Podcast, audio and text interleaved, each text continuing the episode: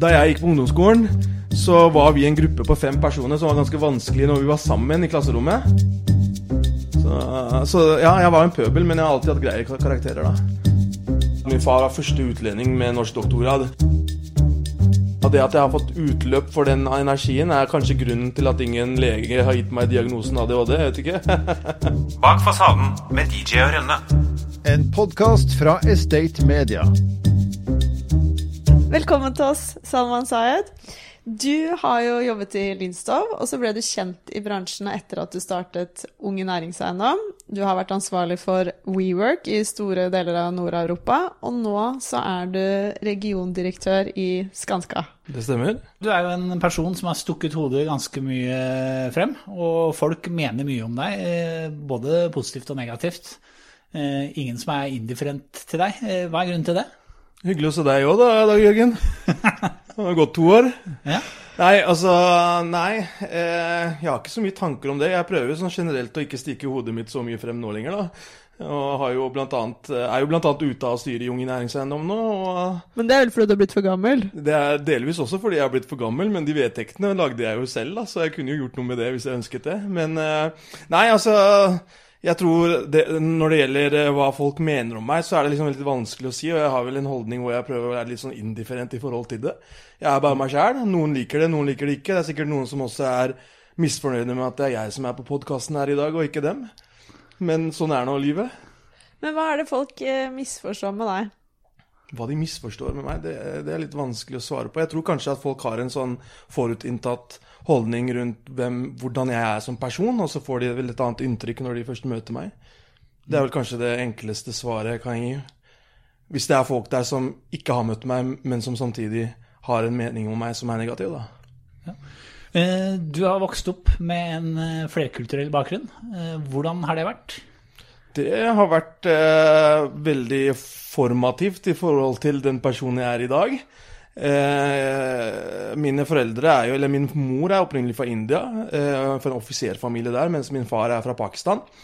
Eh, og hvordan de møttes, er jo en, historie, en egen podkastepisode, så det går vi ikke inn på. Men eh, de har jo vært her siden 70-tallet, og, og altså, faren min var jo student her òg, så han har jo da litt, litt, litt annen eh, si, bakgrunn i forhold til eh, innvandrerne som kom til Norge på 70-tallet.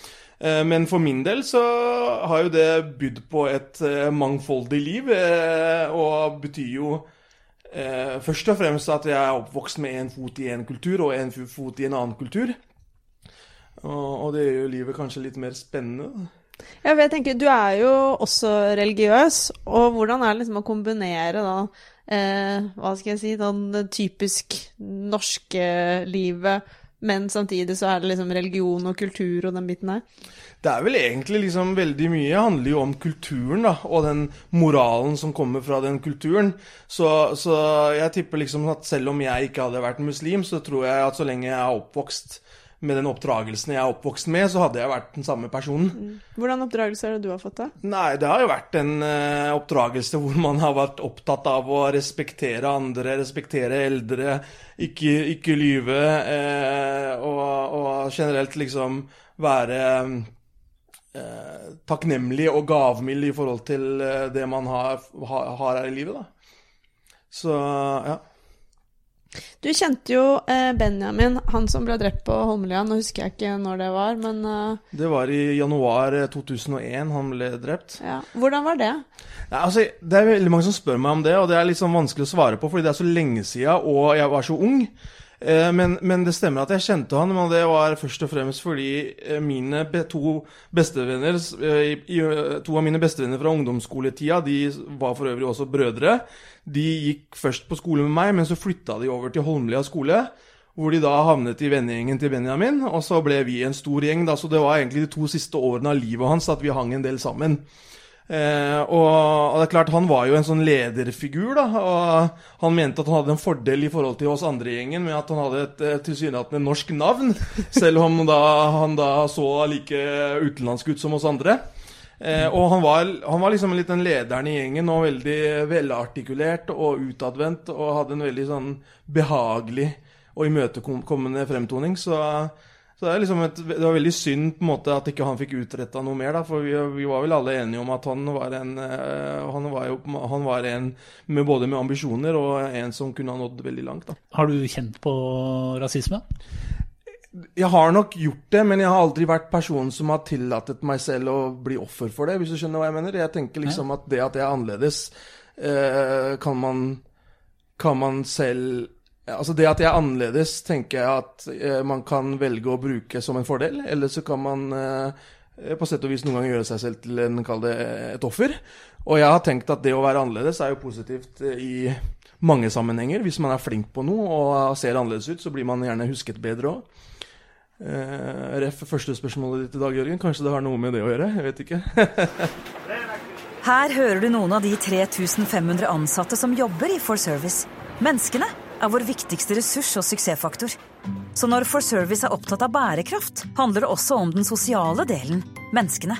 Gjennom rekruttering, nye arbeidsplasser, kompetanseheving og riktige samarbeidspartnere jobber For Service for å gi muligheter til mennesker. Også de som i dag står utenfor. Alle må starte et sted. Les mer på forservice.no. Jeg tenker jo at du kommer fra en familie der alle har veldig noen, høy utdanning. Eh, har det på en måte vært eh, et liksom, press hjemmefra at eh, du måtte bli noe? Jeg er jo sorte fåret, da. Jeg, det, det, jeg tror nok det var et sånn generelt press der om at for å lykkes altså det her, Og det her har nok også litt sånn eh, bakgrunnen i hvor, hva min far selv opplevde, og hva han selv følte at han måtte gjøre for å lykkes da, i, i, i livet og i arbeidslivet her i Norge. Så jeg tror nok det har vært en forventning, sterk forventning om at vi skal gjøre det bra på skolen, og at man skal ta en høyere utdannelse. Og så har nok øh, mine foreldre, som veldig mange andre foreldre, hatt et ønske om at man velger eh, noen visse studieretninger. da, og, og, det tror jeg nok min storebror har, mått, har følt på mer enn meg. da. Eh, For han er vel kirurg, er han ikke det? Ja, han er kirurg og overlege på Ullevål. Eh, men det er jo et yrke som passer han perfekt, og han elsker det jo. Så, så, det, så det, er jo ikke på en måte i, I, hindsight så kan man ikke si at det ble påtvunget han. Eh, og Man må jo tross alt gjennom et ganske hardt eh, studie for å bli lege, og er man ikke motivert, så klarer man det jo ikke. Hvorfor var du det sorte fåret? Nei, jeg valgte jo en annen retning, da. Jeg tenkte ok, eh, alt som har med realfag å gjøre, er ikke så spennende som det som har med økonomi og business å gjøre. Så, og, og, det var litt sånn tilfeldig hvordan jeg havna utpå. Så jeg var jo militær i Nord-Norge et år, og da eh, søkte jeg meg inn eh, i Tromsø og kom inn på jussen der. Men eh, etter å ha bodd i Nord-Norge et år, så ville jeg jo ikke bli værende. Så da vendte jeg eh, nesten sør, sørover, og min far hadde forska ute på oss på 80-tallet. Han mente det var et godt studiemiljø der, og der var, det var eneste stedet i Norge som hadde en eiendomsfaglig utdannelse på masternivå, da, altså et femårig eiendomsløp. Mm. Men når jeg ser liksom gamle bilder av deg, så ser du liksom nølete ut. Og så tenker jeg sånn Har du liksom jobba hardt for å bli litt den kule Salma som vi kjenner i dag? Jeg tror aldri jeg har vært nerd. Var ikke du bare så litt nerdete ut? Nei, det kan hende at jeg så nerdete ut, men jeg tror aldri jeg har vært nerd. Jeg har liksom alltid jeg har liksom alltid vært høy og stor for uh, alderen. Altså. Det har liksom aldri blitt liksom uh, Aldri vært mottak... Jeg har aldri vært uh, utsatt for noe mobbing eller noe sånt. Eh, så, men det kan jo, altså, alle er jo nerder på sin måte. Da. Jeg er jo, er jo nerdete i forhold til det jeg syns er spennende. Men jeg tror liksom ikke Jeg tror nok jeg både har selvinnsikten nok og hadde turt å innrømme det hvis jeg følte at jeg var, hadde hatt en nerdete oppvekst. da. Mm. Fordi det var jo veldig mye sånn meldinger hjem fra skolen og Salman eh, Så selv om det, det var jo Ja, Hva sto det på de meldingene? Nei, altså Det er jo litt morsomt, fordi da jeg gikk på ungdomsskolen så var vi en gruppe på fem personer som var ganske vanskelig når vi var sammen i klasserommet. Eh, vi var ganske vanskelige, eh, og læreren klarte ikke å holde styr på oss. Så vi ble jo Et halvt år så ble jo vi bedt om å eh, Det var i 9. klasse, tror jeg. Ble vi bedt om å, om å Ble vi separert, og så ble vi satt i hver vår klasse. Trinn over eller under. Og gjorde oppgavene som klassen vår fulgte, for å bedre, kall det, miljøet i klasserommet der vi egentlig tilhørte. Uh, og, det sånn, uh, og det var en del av en sånn pedagogisk, psykologisk tjenestesak. da. Uh, og da husker jeg at da, da, klarte man å bryte opp den gruppen. Og det som er litt morsomt da, er jo at da ble det jo et lite opp, opprør da, blant foresatte i, eller blant foreldrene i klassen min. Fordi ja, jeg var kanskje bråkete, men jeg var også den som hadde desidert best karakterer. Så, så, jeg var ganske misfornøyd da jeg ble kasta tilbake igjen i klasserommet, mens de andre gutta fikk lov å, å holde på med sitt i andre trinn. da. Så, så, ja, jeg var en pøbel, men jeg har alltid hatt greie karakterer, da. Pøbel med gode karakterer. Ja. Du, vi må prate litt om WeWork. Mm. Eh, fordi jeg husker da holdt på å si, hypen var på sitt hotteste, Mm. og man så sånne filmer om eh, arrangementer, Mm. eh, både i New York og London og sånn, så fikk jeg sånn jeg fikk sånne referanser til sånn religiøse halleluja-arrangement. og nesten eh, Det var ganske voldsomt. Trodde du på de vyene som selskapet presenterte? Om jeg trodde på Ja, de, det de pre Selskapet presenterte jo noen voldsomme ambisjoner og vyer, og det var Ja. jo prisa til 47 milliarder dollar, eh, var det de sikta seg inn på. Trodde du på det? Korte svaret er ja. Altså, og jeg tror jo fremdeles på det de står for, da, og det de Ja. prøver å gjøre og oppnå. Og det handler liksom litt om hvordan verden endrer seg, og hvordan, eh, hvordan vi beveger oss, og mobiliteten vår og arbeidskraften og sånn, men, men det er ikke det du vil høre, det vet jeg. Så eh, det du vil høre, er om jeg trodde på hele hypen. Og ja, men det var jo ikke sånn at jeg tok altså det, det, For det første så hadde jeg forventninger til det å begynne et amerikansk selskap. Der er alt, alt veldig mye mer sånn preaching. Ja. Man skal ha en felles visjon. Så jeg visste at det kom til å bli litt sånn. Eh, og så visste jeg jo hva core business var, eh, og, og jeg visste hvordan personlighet de topp, topplederne var. Eh, men jeg trodde jo virkelig på det de prøvde å oppnå, da. Og, og, og, og så var det liksom et samhold der som var veldig unikt, og det samholdet, litt av grunnen til at det var et sånt samhold, var nettopp fordi lederne var som de var, ikke sant. Var veldig fokus på, på arbeidsmiljø og gjøre gøye ting. Så Henrik og jeg, vi, vi, ble, jo, vi jo flydd ut eh, på business til Los Angeles og hadde privatkonsert med Red Hot Chili Peppers og satt i eh, paneldebatt med Ashton Kutcher og P. Diddy. Eh, og, og, fordi det var i forbindelse med WeWork Summit eh, i januar i 2019. Og da, vi var ferdig, og da hadde vi leid hele Microsoft Theater i LA sentrum. Og da det var ferdig, så fikk vi beskjed om at det står noen busser utafor som skal ta dere med på etter, det etterfesten. Eh, Så satte vi oss inn i de bussene. Det kjørte oss ut til eh, Universal Studios, som da var stengt ned kun for hele WeWork. Eh, Og når vi da kom dit, så hadde de stengt ned WeWork, og vi var jo da en sånn meat-free company, så alle restaurantene var bytta ut menyer til vegetarmenyer. Det var jo ikke så eh, Det var ikke så veldig mye god mat der, men samtidig så hadde de lagt en bar utafor hver ride. Så hvis du skulle ta Harry Potter-karusellen, så var det en sånn gin tonic-bar utafor. Så da fikk du først en gin tonic, og så gikk du inn og tok eh, Harry Potter-baren. Så liksom, de gjorde sånne unike ting da, som var med å bygge opp en sånn, sånn kultur som bare forsterka det her. Så Men var de meat-free fordi at, det, at de tror på dyrevelferd, eller fordi det er lønnsomt? Nei, altså alt det de gjorde var veldig sånn idealistisk. Så det skal de ha. Altså det, de trodde virkelig på det de sa. Eh, og man skulle endre verden. ikke sant? Og det her var måten de skulle endre verden på. da. Eh, så de trodde på det med Meat for you. Men det er klart at eh, for de som sitter og er CFO-er i bakkant der, så tenker, ser jo de på Excel-arket og tenker at dette blir billigere for oss òg. Så, så det, jeg tror, tror, ikke det, jeg tror ikke det forverra beslutningen. Brekkhus advokatfirma rådgir norske og internasjonale kunder innen en rekke sektorer. Våre eiendomsadvokater kjenner eiendomsbransjens muligheter og utfordringer, og bistår ulike aktører i utviklingsprosjekter, transaksjoner, megling, utleie og tvisteløsning. Vil du høre mer? Kontakt oss på post at breikhus.no. Men hvordan, hvordan var det å øh, være der holdt på å si, når da den børsnoteringen rakna? og altså, Det kom jo masse skriverier om han øh, gründeren, og jeg tipper alle bremser ble vel øh, Ja. tråkka inn? Det var veldig rart, det var, men det var veldig spennende. Den, sånn, den tiden jeg har hatt i WeWork har jo vært utrolig spennende og lærerik, og en helt unik opplevelse. Men, og, og det er som du sier, da vi begynte der og fikk ansvaret for veksten i Nord-Europa, så var det jo carte blanche, eh, verdsettelse på 47 milliarder dollar, verdens desidert raskest voksende selskap. Og så snudde jo dette her eh, seg gradvis, og ikke minst i forbindelse med den IPO-en. Og, eh, og, og for oss som var ute, så måtte vi, måtte vi jo hele for, tida forholde oss til Kall det eh, ny eh, eh, Vi måtte forholde oss til en ny måte å jobbe på, da. Eh, men det er ganske vanlig uansett i en startup at ting endrer seg hele tida. Men det medførte jo at man trakk på bremsen og ikke var like aggressiv i forhold til å, å gå inn i nye, ekspandere inn i nye byene. da. Men jeg føler likevel at for Henrik og meg så var jo dette her et prosjekt som vi kom Vi ble ansatt for å ekspandere WeWork inn i Norden. Så vi følte oss likevel ganske komfortable med å si at dette her har vi sjekket da vi slutta omsider i januar i fjor. Ja. Hvorfor slutta du? Nei, rett og slett fordi forutsetningene hadde endra seg fullstendig. Altså, Vi ble ansatt for å, ansatt for å ekspandere. Eh, nummer én, vi føler vi gjorde det. Eh, vi kom inn i Oslo, Stockholm, Kjøben og, Amsterdam. Og, og, nummer to så gikk man fra expansion til, eh, til, core, til core business. Eh, og, og, da er det klart at uh, å lede ekspansjonsavdelingen i et selskap som ikke skal ekspandere, det er vel ikke så spennende for folk som meg og Henrik med litt, uh, ja, med litt maur i ræva. Litt tilbake til uh, familien din igjen. Mm. Fordi at du fortalte meg en gang at faren din var veldig opptatt av at dere skulle ha en hvit vaskedame.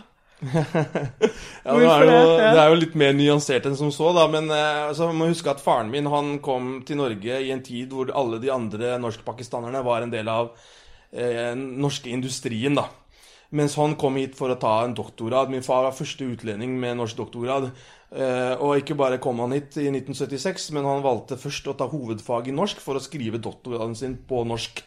Så han er litt sånn nerdete, men han er en veldig stolt fyr. Og han, eh, og, og han ønsket å lykkes i, eh, i, eh, i, i arbeids, arbeidslivet. Så, så, jeg tror på en måte etter hvert som han på en måte har jobbet seg opp og gjort karriere, så er han veldig opptatt av at liksom nå kan han på en måte ta igjen litt. da. Så, så da vi bygget hus i 2002 eh, Vi bodde i rekkehus frem til 2002, og så bygget vi en sånn stor villa ute på Klemetsrud på eh, rett under 400 kvadratmeter. Og da var det sånn Ok, nå går det ikke an å vaske dette her selv lenger. vi må jo vaskehjelp. Og da var det var litt spøkefullt at pappa sa at her skal det ikke være en mann, det skal ikke være en utlending, det skal være en norsk kvinne. Hun må helst hete, hete Heidi.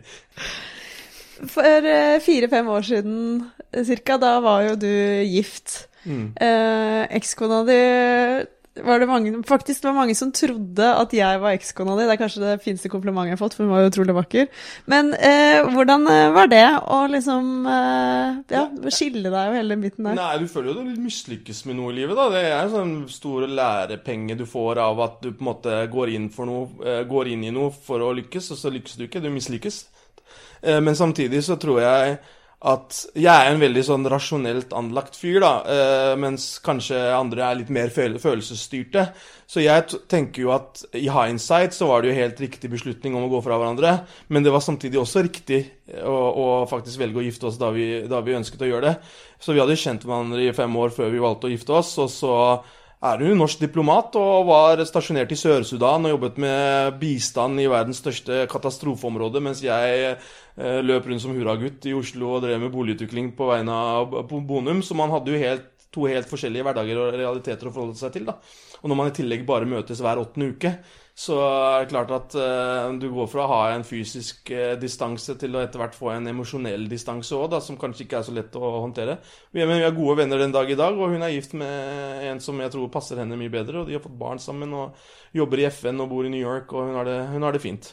Hva med deg, ja? Hvordan er singellivet? Nei, det er, uh, det er ikke noe jeg går rundt og tenker på. Jeg tror det er mer slitsomt for deg enn det er for meg. Du har jo hunden i tillegg, Silje, så det er ikke akkurat noe som gjør deg mer attraktiv. Da, fikk jeg den. Da fikk jeg den. Så det er ikke noe ladies? Nei, altså Nei, nei det er ikke noe å, å, å dele med omverdenen om, iallfall. Da tar vi en kort pause for å minne om at BN Bank er spesialisten på finansiering av næringseiendom i Oslo-regionen. BN Bank er en rendyrket eiendomsspesialist og kjennetegnes av hurtighet, fleksibilitet og forutsigbarhet. Gode løsninger sikres gjennom medarbeidere med høy kompetanse og sterke relasjoner til kundene. Kontakt BM Bank nå. Ung i næringseiendom var du med og dro i gang. Mm. Det, det, var jo kanskje noe av det som eh, stakk hodet ditt fram. Eh, mm. Den jobben dere gjorde der, synliggjorde det. Det blei jo veldig mange medlemmer etter hvert.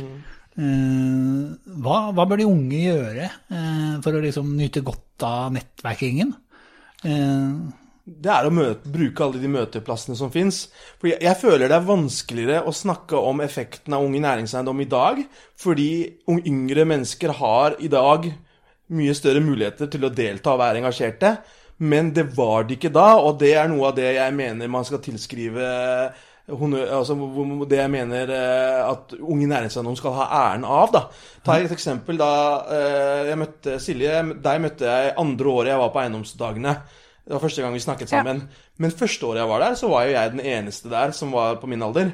Eh, og, og fordi vi ser at det er en veldig sånn pyramidedrevet bransje, spesielt i rådgivermiljøene. da. Så det er jo sånn jeg møtte Henrik. var Jeg hadde jobba med han i to år uten at jeg visste at jeg hadde jobba med han. For jeg hadde bare sett markup-initialene hans på kjøpekontrakten. Det står HRT.